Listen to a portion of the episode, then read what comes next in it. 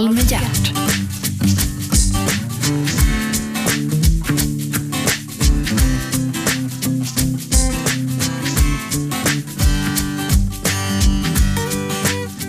God morgon och hjärtligt välkomna till Radio 1, pratradiokanalen nummer 1. Det vet ni naturligtvis vid det här laget. Programmet heter Äntligen, jag heter Gert Fylking och äntligen är Niklas Svensson här. Hjärtligt välkommen Niklas. Ja, men stort tack.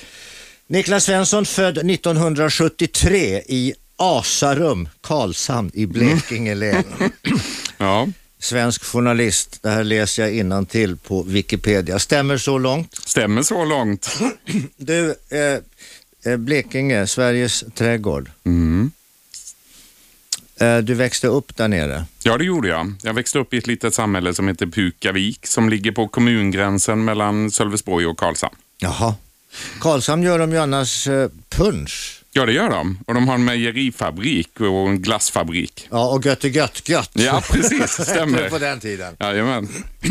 Ja, eh, det här, det här att, att eh, växa upp då i en, i en, på en liten trakt. Hur var det? Ja, för mig så var det bra. Jag hade en bra uppväxt, många syskon, fyra småsyskon, jag var äldst. Ja. Ehm, och eh, blev ju tidigt eh, intresserad av journalistiken, så jag började också tidigt. Jag började med två veckors praktikplats eh, när jag gick i åttonde klass på Jaha. lokaltidningen på Sydöstran. Ja, vi ska väl lägga till det då att Niklas Svensson är alltså numera renommerad, välkänd, ökänd journalist på tidningen Expressen. Mm. Ja, rikstäckande tidning. Men du, vi går tillbaka ytterligare. Vi hoppar, vi har, du kom ända in, bara i ett andetag så var du i åttonde klass. Ja, Men du är äldst, äldste grabb äldste grabb. eh, och du hade tre syskon. Jajamän. Fyra, fyra småsyskon. Fyra små syskon. Jajamän. Så du var, Vi var många. Det var många, far och mor, de levde om. I, Ja då. De levde om. Eh, hur var det? För det var inte så vanligt att man var fem syskon på den tiden. Nej, det var det inte. Eh, och Det skiljer dessutom ganska många år mellan mig och min yngsta lilla syster. Så att eh, jag hann flytta hemifrån eh, innan hon föddes, eller precis i den Jaha. vevan. Så att eh, min yngsta lilla syster och jag har aldrig bott ihop. Nej, Nej, vad märkligt. Men det var var- samma mamma och pappa? samma mamma och pappa. Härligt. Eh, nej men det var bra. Jag tror att jag var en väldigt, eh, en extremt aktiv eh, liten kille på den tiden. Jag, jag hade säkert någon diagnos eller har. Eh, Jag, det, det var tvunget att det hände saker runt omkring mig Ja, hela det, tiden. det, nu för tiden har ju alla, nu har du, Ja. du har väl vuxen ADHD va? Säkert. ja, Alla, alla barn har ADHD och sen alla vuxna har vuxen ADHD. okej då. Ja, Mm. men det, det visar sig ha blivit så. Ja, ja det, det kanske är så. Ja men det är väl bra då att alla har en diagnos. Ja, det är väl bra. Eller också säger man bara så men människor är bara som människor är. Mm. Så kan man ju också säga. Absolut. Eh, eh, då började skolan, var du bra, hade du bra läshuvud?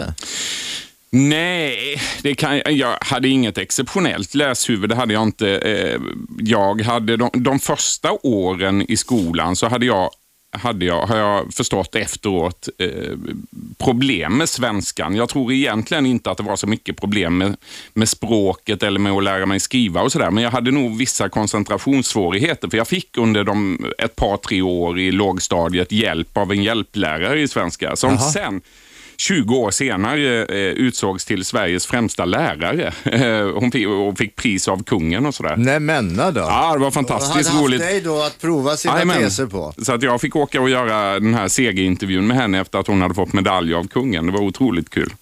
Kommer Eh, ni ihåg? Ja då, ja då hon mindes mig väl eh, och hade följt allt, mm, ja, mig i spalterna. Så det, var, det var väldigt roligt. Men jag hade, på den tiden, jag, jag upplevde inte själv att jag hade några problem i skolan annat än eh, när jag kom upp i högstadiet, gymnasiet och väl som så många andra eh, tyckte att, att det var rätt trist med skolan. Jag ville ju jag ville börja jobba och jag ville... Ja men är det inte, är det inte konstigt, jag vet inte. Det, alltså här har man fått för sig helt plötsligt att alla barn i det här landet ska sitta på arslet från och med att de är sju år gamla till och med det att de är 18 år gamla och plugga teoretiska ämnen. Mm. Alltså vad är det för dynga? Kan man, Ja. göra, kan man bädda för något annat än problem då? Nej, men det, alltså jag tror så här att det finns säkert de det passar att eh, plugga och studera och läsa i många, många år. Men Absolut. mig passade det inte riktigt. Nej, men det är det jag menar. Mm. Ja, De som vill och tycker att det där är kul ska väl få göra det. Mm. Men eh, nu har vi ju skolplikt till och med nian. Ja, till exempel. Okej, fine, det är väl bra då det då. Men, men sen, alltså de som slutar vid nian, det är ju bara dropouts. ja. alltså vi hade Det är ju ju... kriminella eh, narkomaner. ja, kanske inte alla. Men, Nej, men alltså, så, så, betraktas det ju på något ja, sätt. Va? ja, man anses ju ha problem om man, om man inte pluggar vidare efter nian. Det är absolut. Ja, och jag tycker att det, det, det är ju samhället som har problem, inte, inte individen. Nej, man kan klara sig bra ändå. Det hävdar ju jag också. Jag gick visserligen gymnasiet, men en såg till att välja en tvåårig gymnasieutbildning. Det finns ju inte längre, men det fanns på den tiden. Så att någon riktig gymnasieexamen har jag ju faktiskt inte. Nej, och det var, det, var väl ingen examen en gång på Nej, det var ju inte det. Man bara slutade och Man sen, slutade, sen sjöng man Vi har tagit studenten, fy fan vad vi är bra. Ja, men precis. Ja, visst. Men du, en sak som den där Eh, svenskspråkläraren inte lyckades med, det var att jobba bort din dialekt. Ja, ja det, det, har hon, det lyckades hon inte med. Jag, jag bodde ju nere i Blekinge fram tills dess att jag eh, fyllde 19. Okej. Sen flyttade jag upp till Stockholm och jag har bott i Stockholm sedan dess. Men eh, jag har, det, det har gått lite fram och tillbaka det där med dialekten. Många menar ju att det är viktigt att man behåller dialekten och jag, nu börjar jag nog känna att, att jag är rätt stolt över att jag har min dialekt och, och ser inte själv att att det är viktigt för mig att arbeta bort den på något sätt. Men om det krävdes, skulle du kunna prata vanligt då? Skulle jag kunna prata vanligt? Eh, ja, jag, jag kan nog prata lite tydligare om det verkligen behövs eh, än vad jag annars gör. Mm. Du, har du dina föräldrar kvar i livet? Ja, det har jag. Okej, träffas ni ofta? Ja, ofta och ofta. Jag bor i Stockholm och jag har eh, familj här. Jag har två barn och eh, är gift i Stockholm. Så att det blir allt för sällan jag åker ner. Men eh, ett par, tre gånger om året försöker jag besöka Ja, men det är väl bra. Blekinge. Men, men är, ja. det, är det jul och sånt där eller semester? Jag är ingen speciellt bra julfirare heller, men, eh, men ja, så under semestern försöker vi komma ner en gång i alla fall och eh, någon gång nu snart eh, ska vi åka ner igen. För nu, har- jag har precis blivit farbror för första gången, för bara några dagar sedan. Farbror? Jajamän, så min lillebror har fått barn för första gången. Okej. Mm. Ja, ja, för jag själv är jag ju farfar. Ja, det är det ja. Farfar och morfar. ja. Och jag är både morbror och farbror. Ja, du ser. Ja. Eh, tycker du att det är viktigt med familj? Ja, det tycker jag. Eh, det är viktigt och när man nu har skaffat sig en familj med barn och fru och så, så är det, är det viktigt. Mm, du är gift? Jag är gift. Traditionellt gift? Ja, det beror på hur man ser det. Jag är borgerligt eh, Ja, ja, vigd, men, det är men ja, absolut. men det är inte sambo bara och så Nej. kallar du det för din fru. Nej. Utan ni, ni är på vi, pappret är, vi är på pappret gifta. vigda Ja. enligt Svea rikes lag. Ja, precis så. Mm. Varför borgerligt? Varför inte kyrkan? Nej, jag eh, lämnade Svenska kyrkan för eh, 10-15 år sedan. Jag, jag delar inte riktigt eh, Svenska kyrkans eh, värderingar och jag, jag ser inte själv, eh, alltså jag, jag är inte troende. Jag har inte i kyrkan att göra. Jag kan det gå dit på bara en- skolavslutningar och lyssna på min dotter när hon sjunger i kör. Det, där Det kan går gränsen. Men, ja. men, så det var inte bara en, en, skatteteknisk skäl? Nej, det var det verkligen inte. Utan för mig var det, en, var det mer ett, ett ställningstagande. Ett kyrkoskatten, ställningstagande. kyrkoskatten är ju, ja den är ju inte hög men det är ju några kronor. Ja, det är några kronor där också. Absolut. Visst. Mm. Jaha, och eh, hur länge har du varit gift? Jag har varit gift eh, i eh, Ja, det där många måste du år. komma ihåg nu. Ja, alltså, det är så att vi firar bröllopsdag eh, om bara någon vecka och då har vi varit gifta i två år. Men jag har faktiskt eh, varit gift en gång tidigare också. Så är det. Mhm. Har du barn därifrån också? Ja, det har jag. Jag har en, en dotter från eh, eh, mitt första äktenskap och en son från mitt andra. Jaha, eh, men hur är relationerna där då? Mycket bra. Så att ni Det kan är till och med så att min exfru eh, och jag arbetar på samma arbetsplats. Så hon finns på Expressen. Och din nuvarande fru har inga synpunkter på det? Inga synpunkter på det. För det där kan ju vara lite känsligt. Ja, det kan det kanske. För oss har det egentligen aldrig varit det. Det har funkat väldigt bra. Vi var båda överens om att separera när vi gjorde det. Och, ja, det har funkat väldigt bra. Och... Ni gled in och gled ut? Ja, precis så. så kan man, man kan säga så. Ja. Ja. Du, om vi knyter tillbaka här nu. Åttonde klass sa du. Jag, jag ska bara för lyssnarna säga, jag pratar med Niklas Svensson, numera eh, journalist på Expressen.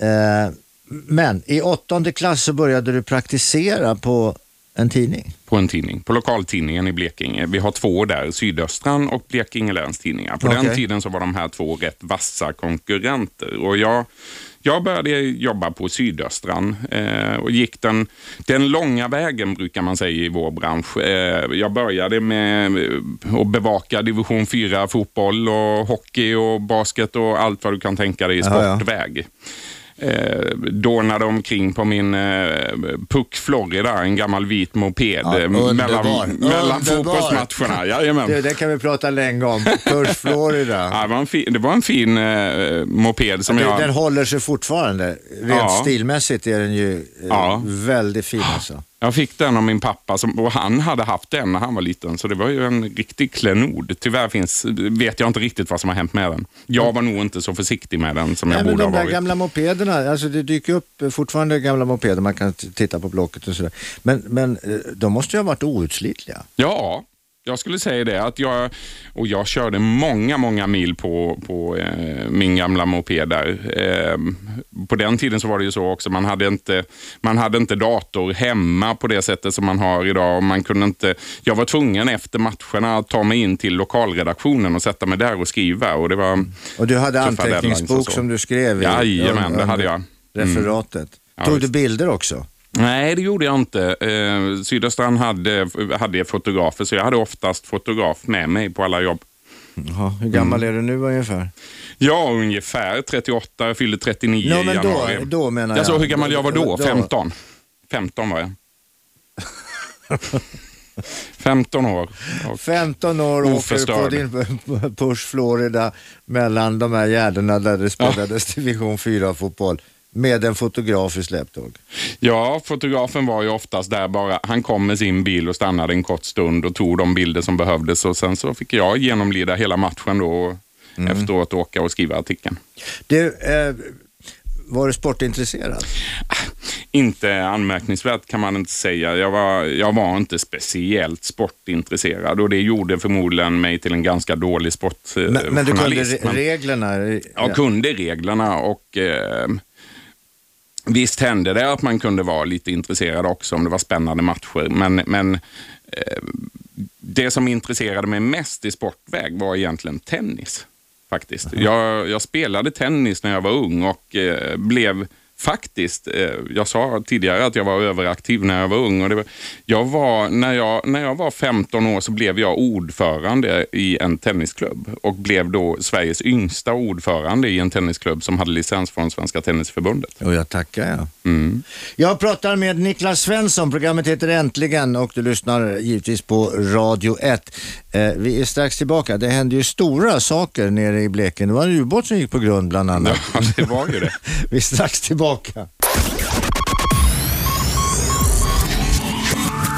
Äntligen, Samtal med hjärt.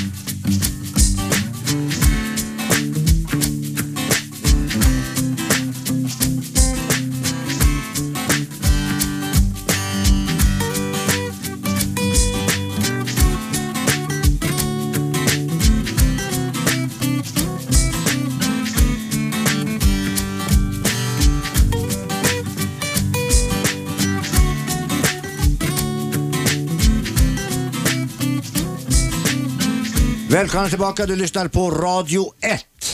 Programmet heter Äntligen, jag heter Gert Fylking och äntligen är Expressens journali äh, Expressen-journalisten ska jag säga, Niklas Svensson här. Välkommen Niklas. Ja, tack. Då. Född i Blekinge 1973. Mm. Har inte blivit av med dialekten än, trots att du har bott i Stockholm väldigt länge. Ja, jag har inte det. Nej, precis. Du, eh, det här med journalistik, varför blev, det, varför blev du intresserad av det? Ja, en bra fråga. Jag var nyfiken, jag ville lära mig saker och samtidigt som jag säkert hade någon slags eh, egofixering. Jag ville synas själv eh, och det här var ett sätt. Eh, att få sitt namn i, i tidningen under en artikel, det var väldigt stort för mig Och då. numera med bild. Ja, numera med bild. eh, jag har svårt att säga. Jag ska inte sitta här och slå mig för bröstet och säga att jag ville förändra världen eller något sånt.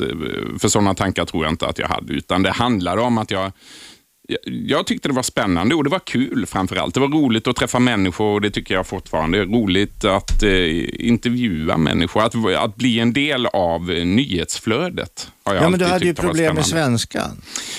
Du var ju dålig i skolan i svenska och fick till och med ha extra lärare. Ja, tänk så det kan gå. Eh, jag tror ju att även de som har haft problem med svenskan i skolan kan bli duktiga journalister. Ja, Eh, eller författare. Eller författare för den delen.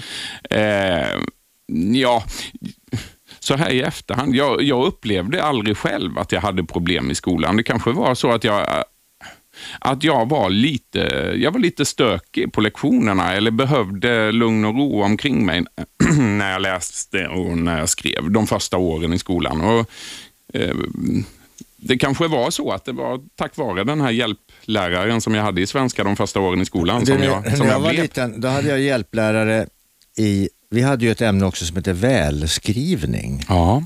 Hade ni det? Nej, det hade vi inte, men visst hade vi välskrivning i ämnet Vi, vi svenska. hade alltså välskrivning där man, där man hade en skrivbok med olika rader och det var, man skulle då på den tjocka linjen skulle man då bottna med bokstaven. Så skulle man upp och så skulle man ner och sen halvvägs upp en bit, där under skulle de här Mm. små bokstäverna vara. Det var ett otroligt meckande det där. Ja, jag förstår det. Nej, så noga var det inte riktigt på min tid, tack Och sen lov. skulle de ju luta också. Ja. Och sen hade man sån där bläckpenna som man doppade i en ho, ett blä- bläckhorn. mm. Och så fick man raspa runt med det där. Mm. Det var fan inte lätt. Nej, det förstår jag. Vad fick du för betyg i det ämnet? Det kommer jag inte ihåg, men Michelangelo slängde i väggen. Ja, det var så ja. Mm.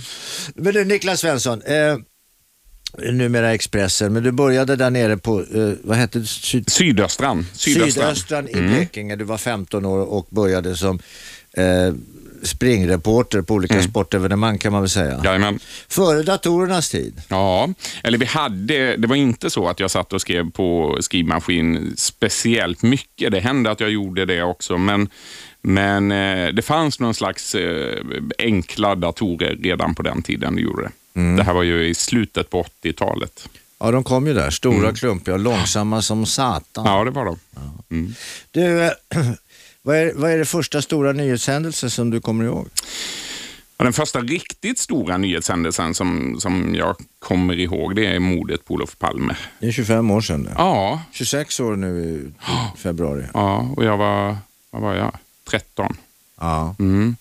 Eh, där minns jag väldigt eh, exakt hur jag själv reagerade och att eh, jag följde medierna. Och, eh, även om min första reaktion var att, att jag blev lite sur över att man hade ställt in eh, Godmorgon Sverige den morgonen. Eh, jag satt och väntade på någonting på Godmorgon Sverige. Och, och det, det startade aldrig. Istället var det presskonferenser från, från Stockholm med, med polisen. ja, just det. Jaha, och s- har du följt det här Palme, eh, Palmeutredningen sen? Ja, har man varit nyhetsreporter så har man ju hoppat in och ut i, i Palmemordsbevakningen. Så ja, det, vi har ju, det också, har även vi jag har ju råkat på varandra i, Ja, absolut. i, i sådana sammanhang. Vi kan återkomma till det. Ja. Men du, den här ubåten då som gick på i grannbyn, Ja, U137. absolut. Det var, ju, det var ju förstås en väldigt stor händelse, men jag var lite för ung då tror jag. Jag var åtta år och hade inte riktigt eh, koll på, på, den, på vad det var som hände och hur stort det var. Utan där är det nog, eh, en del av mina minnen från den händelsen är nog inte självupplevda utan sådant jag, Konstru- jag har läst mig till. konstruerat. Ja. Men du, det måste ju varit häftigt ändå, alltså helt plötsligt. Alltså kriget kom ju väldigt nära. Jag minns ju det där. Mm. Och jag, jag minns ju hur, hur, hur man liksom helt plötsligt hade man i princip blivit anfallen utav... Ja, det var en otrolig historia. Alltså, även när man ser på den idag så var det ju en, det var en fantastisk historia och det kunde ju ha slutat på många, många allvarliga vis. Nu, nu, nu blev det ju ganska eh, ganska ofarligt ändå. Det, det löste sig på bästa sätt för, för Ja, det vår visade del. sig Men, att, att, att Torbjörn Fälldin som var statsminister på den tiden, eh, han var en klok man. ja, och han, eh, han var ganska tuff också mot ryssarna. Han, eh, han gav överbefälhavaren order att eh, hålla gränserna. Och Klassiskt var, uttalande. Ja, verkligen. Vad ska jag göra nu? ringer ÖB in och frågar. Ja, håll, gränsen. Håll gränsen. Ja. Ja, det är fränt. Mm.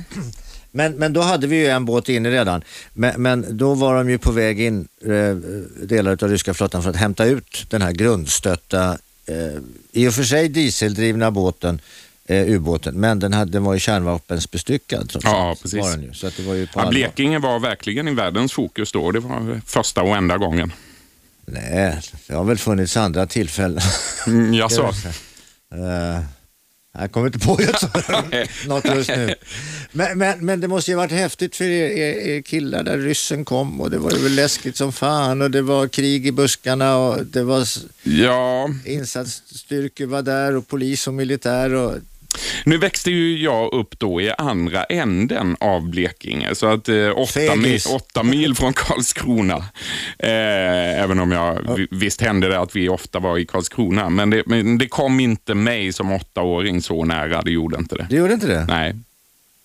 Ja, det ser man. Ja, men det är väl så att kanske det där barn, barnsliga oskulden, den, Mm. ja men vad vet man? Ja, men vi, jag har nog något minne av att vi pratade om det i skolan och sådär. Och, och jag kan tänka mig att skolorna i Blekinge eh, la ganska stor vikt vid att lugna ner barnen och att eh, Ja, det få det att inte vara så allvarligt som det kanske Nej, ändå men det är var. väl naturligt. Mm. Det är väl klart.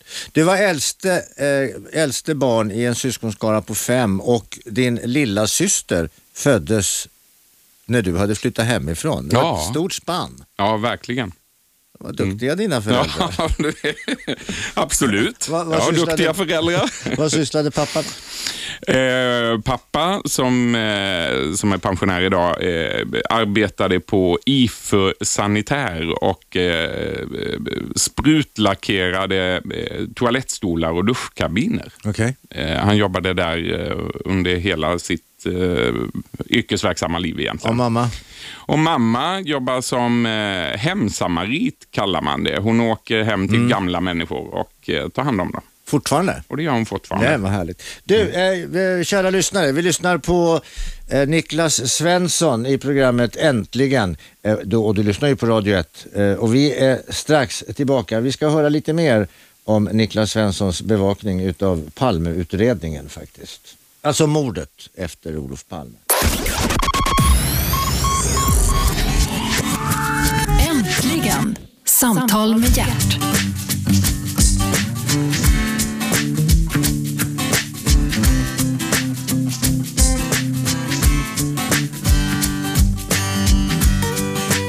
Välkomna tillbaka, du lyssnar på Radio 1. Programmet heter Äntligen. Jag Gert Fylking och äntligen är Expressens reporter Niklas Svensson här. Niklas Svensson började tidigt med journalistiken, redan vid åtta års ålder. Nej, åttonde klass var det, förlåt. Eh, sprang runt och bevakade nere i Blekinge-trakten hur det gick för division 4-lagen. När blev Ja, du riktig så. journalist då? När blev jag? Ja, svårt att säga. Jag skulle nog själv säga att jag blev riktig journalist när jag började på Värnpliktsnytt i Stockholm. Jaha. Värnpliktsnytt, tidningen för eh, de som gör värnplikten. Ja. Där, där blev det på något sätt allvar för mig. Och Värnpliktsnytt blev för mig en, en journalistskola. Det var där jag lärde mig eh, grunderna för det jag gör idag. Du, du valde att gå där istället för att tjäna fäderneslandet. Ja, så kan man se det. Absolut, på den tiden, 93 var detta, Ja. eh, då, eh, då gjorde ju ändå en 20-25 000 Då var det killar. allmän värnplikt. Det var fortfarande allmän Ja. värnplikt. Det var det ju fram tills förra året Ja. egentligen. Eh, och, eh, ja, jag gjorde ändå eh, en... Eh, jag, fick en grundutbildning som innebar att jag fick, eh, fick skjuta.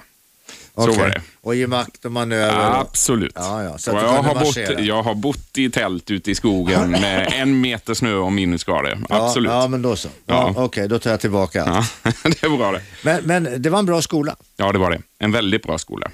Mm. Eh, framförallt därför att eh, bevakningen, den journalistiska bevakningen av Försvarsmakten eh, innehåller så många svårigheter. Eh, det är hemligstämplar, det är människor som eh, inte får och inte kan berätta saker. Eh, du har rikets säkerhet att ta, ta hänsyn till. Eh, Det är svårt att få människor att prata och därför var det där året på Värnpliktsnytt väldigt värdefullt. För man lärde sig hantera de eh, svåraste delarna av journalistiken skulle jag säga. Ja, det vill säga att få svar från sådana som inte får prata. Ja, exakt. Ja, men precis så. Ja, Och, och eh, ändå fylla en tidning. Ja, man lärde sig genvägarna och man hittade kryphålen. eh, Och eh, samtidigt som det här var en tidning som faktiskt fyllde en ganska stor, vill ju jag då hävda, funktion. Det var, vi hade som sagt på den tiden allmän värnplikt och eh, stora delar av försvaret utnyttjade de som gjorde värnplikten. Det handlade om grå arbetskraft, kallade man det. Man utnyttjade soldater för att göra göra arbetsuppgifter som, som borde ha varit eh, avlönade. Ja, men var inte det bra det? Ja, inte i alla lägen var det inte bra. Den här gråa arbetskraften, eh, det var inte okej. att Men kan du ge något exempel på vad man gjorde?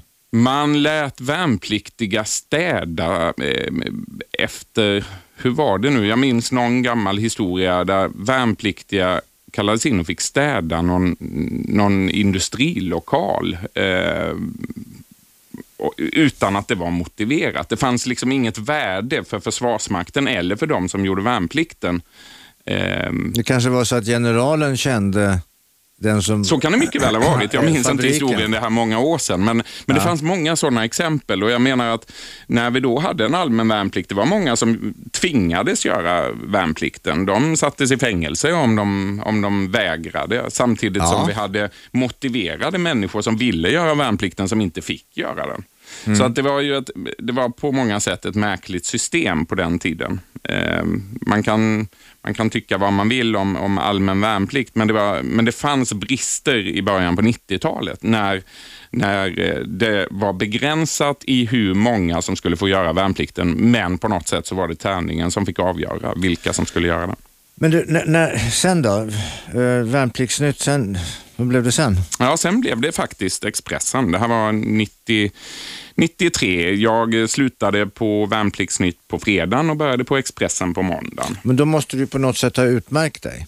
För att eh, Expressen tog ju inte vilken ny journalist som helst. vi var två i min kull som gick till kvällstidningarna. Jag gick till Expressen och en annan kille som heter Marcus Gustafsson, han gick till Aftonbladet. Okej. Eh, vi två hade haft ett kvällstidningstänk på Värnpliktsnytt. Vi, vi jobbade med den typen av historier som passade bra i kvällstidningarna och vi, vi var båda, tror jag, väldigt eh, inställda på att gå just den vägen, att, att gå till kvällstidningarna. Fi- Kommer du ihåg vad du fick för jobb? Första... Ja, det är lite kul faktiskt. Mitt, mitt allra första vikariat på Expressen eh, var ett vikariat för Lisa Marklund som Jaha. just då var mammaledig. Okej. Eh, så att eh, min första tjänst var som nyhetsreporter på Expressen och jag var vikarie för Lisa Marklund. Ja, men det var en, ax, eh, en mantel och axla det ja. Absolut. Ja, visst, vi jobbade en hel del ihop eh, första året. Eh, sen, eh, jag fick ju, fick ju sen någon annan vikarietjänst när hon kom tillbaka. Men jag minns att jag och Lisa eh, under det första året jobbade ihop med det stora avslöjandet kring Björn Rosengren och porrklubbsbesöket. Han hade besökt porrklubben Tabu. Ja, just det. Det Precis. var något med någon slips där. Det var väl min för, allra första eh, stora kvällstidningsstory som jag jobbade med i Expressen. Ja, ja. Mm. Ja. Men så var det ju. Ja, så var det. Jajamän. Ja, men det var, jag kommer ihåg där att det var tabu och det var någon slips och det var mörkt i lokalen och Ja. ingen visste var de var. Och det var limousiner och Ja. hit och dit. Mm. Ja, men varför inte? Nej. Varför inte? Eh, det är ju andra som har gjort det där också. Ja. I, även inom familjen Bernadotte har jag hört, utan att nämna några namn. Ja. Du Niklas, då, då blev det Expressen. Sen har du varit Expressen trogen eller? Nej, inte riktigt. Eh, det föll sig så oturligt att på, där i början på 90-talet så gick det lite sisådär för Expressen. Upplagan föll och det gick knackigt ekonomiskt eh, och det var anställningsstopp. Så eh, den 28 september 94 då blev jag utlasad. Då hade Jaha. jag varit på Expressen i 11 månader. Och, eh, Ja, det var enligt principen sist, sist in först ut. Nej, jag var aldrig anställd utan Nej. jag var vikarie. Så att mitt vikariat gick ut och eh, vi var några stycken reportrar som, som slutade i den vevan som hade, hade gjort vår vikarietid på Expressen. Eh, det olyckliga med att sluta just den här dagen, den 28 september 94, det var ju att det var dagen då Estonia sjönk. Eh, och min tanke var att gå ut eh, och frilansa. Eh, och det var ju inte helt enkelt. Eh, Nej. Eh, vare sig dagen efter eller veckorna efter. Så att eh, jag blev, väl, jag blev ganska desperat och ville ha något nytt jobb eh, snabbt. För jag ville ju jobba med den här historien som rörde Estonia. Så att eh, jag hörde talas om att eh, Stenbeck skulle starta en ny tidning. Eh, vi trodde alla att det var en kvällstidning, men ingen visste säkert. Jag ringde då eh, Jan Stenbecks gamla tidning, tidningen Z Okej. fick kontakt med någon där och, och berättade vem jag var och de visste vem jag var och så sa jag att jag, allt var så jäkla hemligt också på den tiden. Man fick inte veta vad det var han skulle göra egentligen. Men efter några timmar så blev jag kontaktad i alla fall av en kille som hette Pelle Andersson eh, som ville träffa mig. Och eh, Någon dag senare så var jag anställd på tidningen Metro som ännu inte hade kommit ut med sitt första nummer. Så att jag, jag var med och jobbade. Jag var faktiskt den först anställda reportern på världens näst största tidning, brukar jag säga, tidningen Metro. Ja, men det var väl häftigt? Ja, det var häftigt. Du var Och så med liksom jag att lägga grunden. Absolut. Ja. Jag var med, vi gjorde dummies kallar man det, man, provtidningar innan den riktiga första tidningen kom ut. Tidningar som flögs över till Manhattan som Jan Stenbeck fick sitta och bläddra i. Där hade jag artiklar i dem. Det var roligt, det var roligt att få vara med och, och bygga upp Metro, en tidning som väldigt få människor trodde på på den tiden, men som blev en sån fenomenal succé. Ja, men det mesta Stenbeck har tagit i, det är ju ingen som har trott på, men det har visat sig bli framgångsrikt som Ja, väldigt fas. mycket av det har Ja, blivit bra. faktiskt. Absolut. Men du, ja, och sen Metro då? Och sen Mm. jobbar du på Metro? Och så var jag på Metro, men bara i ett år. Jag ville ju tillbaka till kvällstidningsvärlden, så efter ett år, då hade min karantän gått ut. Eh, när man blev utlasad så, så var det ju en karantänstid på ett år, sen kunde man ta ett nytt vikariat. Ja, okej. Och eh, efter det här året så gick jag tillbaka till Expressen och då fick jag ju också fast jobb. Men, men vad, vad, vad är det med kvällstidningarna som är så lockande då?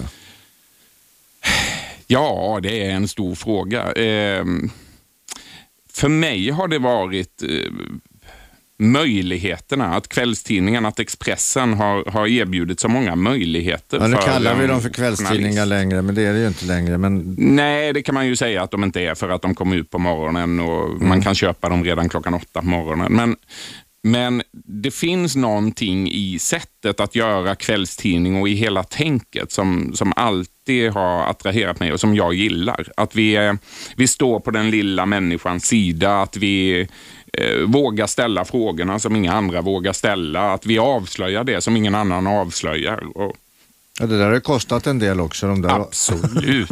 Ja, men visst, det är klart att med, med den här kaxiga med den kaxigheten som, som eh, man jobbar med ständigt på en kvällstidning så är det klart att man också trampar snett ibland. Ja, men Expressen har ju varit uh, ute på djupa vatten och, Absolut. få, och fått sona med pengar i andra änden. Visst är det så. Ja. Visst är det så. Men du är inte ansvarig. Det är chefsredaktören som är ansvarig. Eller Ja. vem är det som är ansvarig? Du kan skriva i princip vad fan som helst. alltså. Ja, jag är Nej, ju ja, naturligtvis, jag är, juridiskt eh, sett så är jag inte ansvarig. Eh, min chefredaktör, ansvarig utgivaren på Expressen, är den som kan åka i fängelse för det jag skriver. Men jag är naturligtvis ansvarig på så sätt att jag ansvarar gentemot mina chefer för det jag gör. Jo, jo, men Ja. chefen måste ju samtidigt lita till att om du kommer med ett avslöjande eller kommer med någon sensationell nyhet att ja, men nu har nog Niklas på fötter här. Självklart. Självklart måste cheferna lita på mig. Ja, Absolut. Och sen får de åka i finkan. Ja. Nu har ju det då inte hänt, det har vill jag lägga till. Men... Nej, ja, nej, det vet jag. Det vet jag också. Det ska, Ja. vi ska inte slänga några i fängelse Nej. här inte. Nej. Nej, eh, du lyssnar på Radio 1. Programmet heter Äntligen. Jag, Gert Fylking. Och äntligen är kvällstidningsjournalisten, Expressens journalist Niklas Svensson här i studion. Vi är strax tillbaka.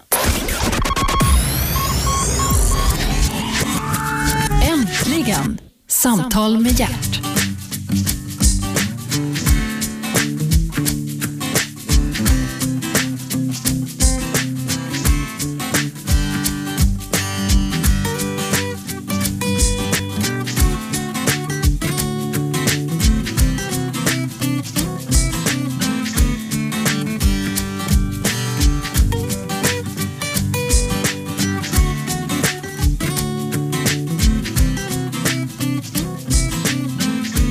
Välkomna tillbaka, du lyssnar på Radio 1. Programmet heter Äntligen. Jag heter Gert Fylking och äntligen är Niklas Svensson här. Journalist på tidningen Expressen. Har i sitt bagage journalistkompetenser utifrån följande eh, ämnen. Nöje, kriminal, krig, allmän och ekonomi.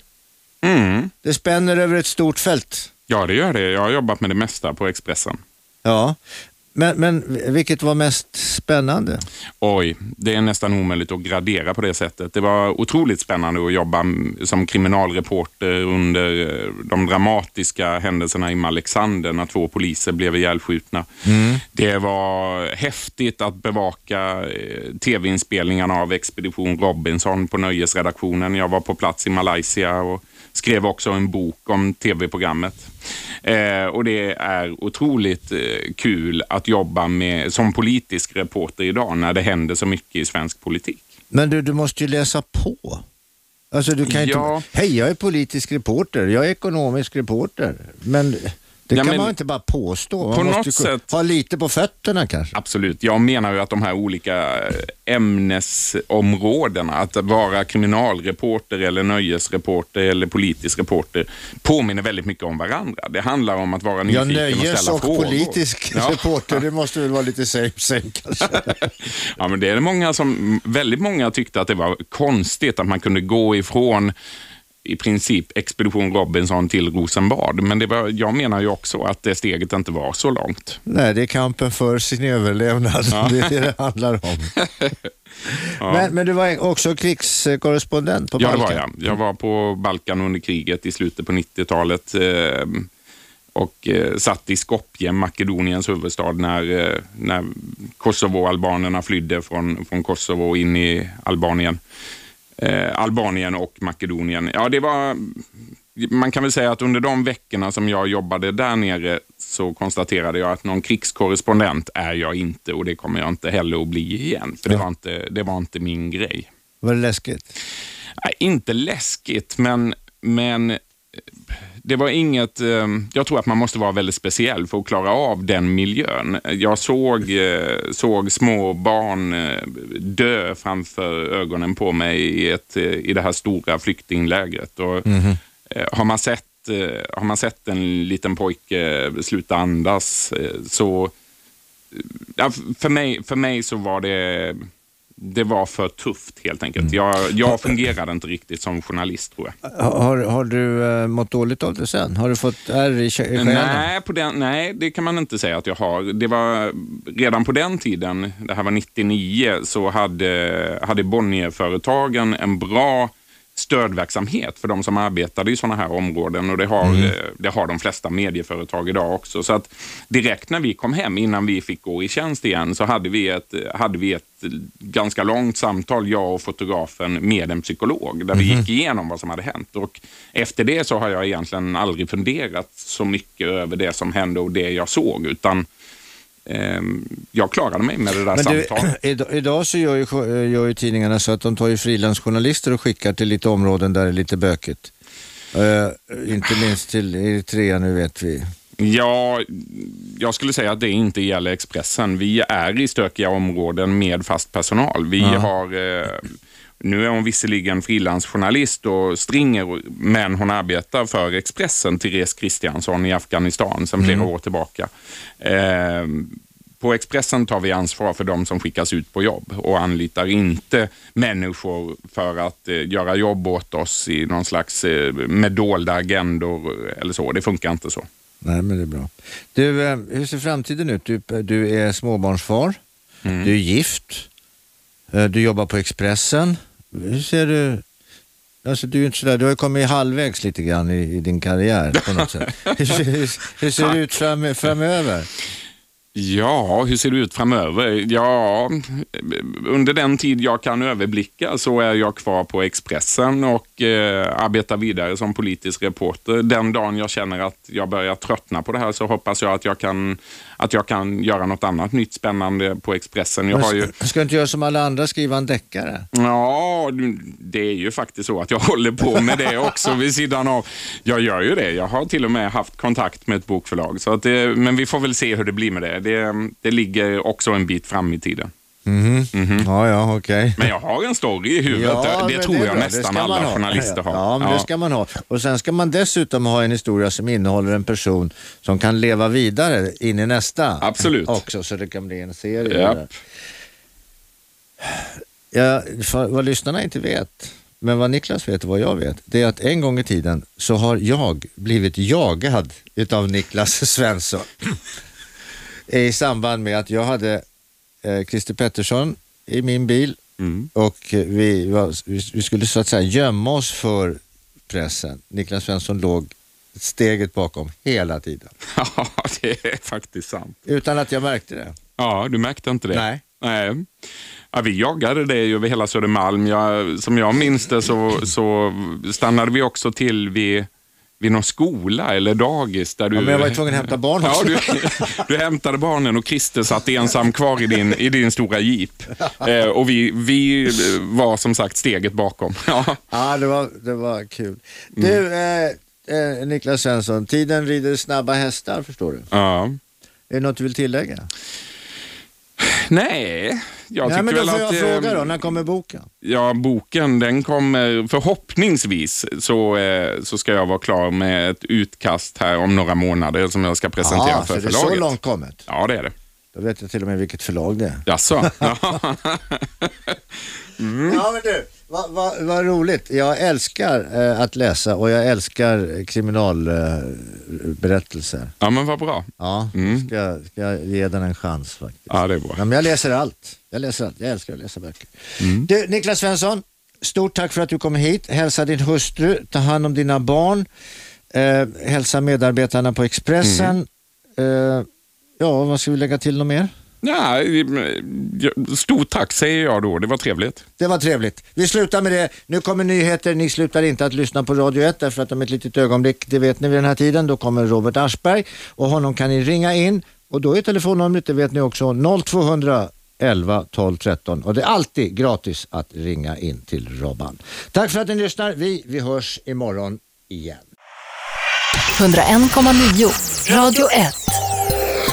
Sveriges nya pratradio.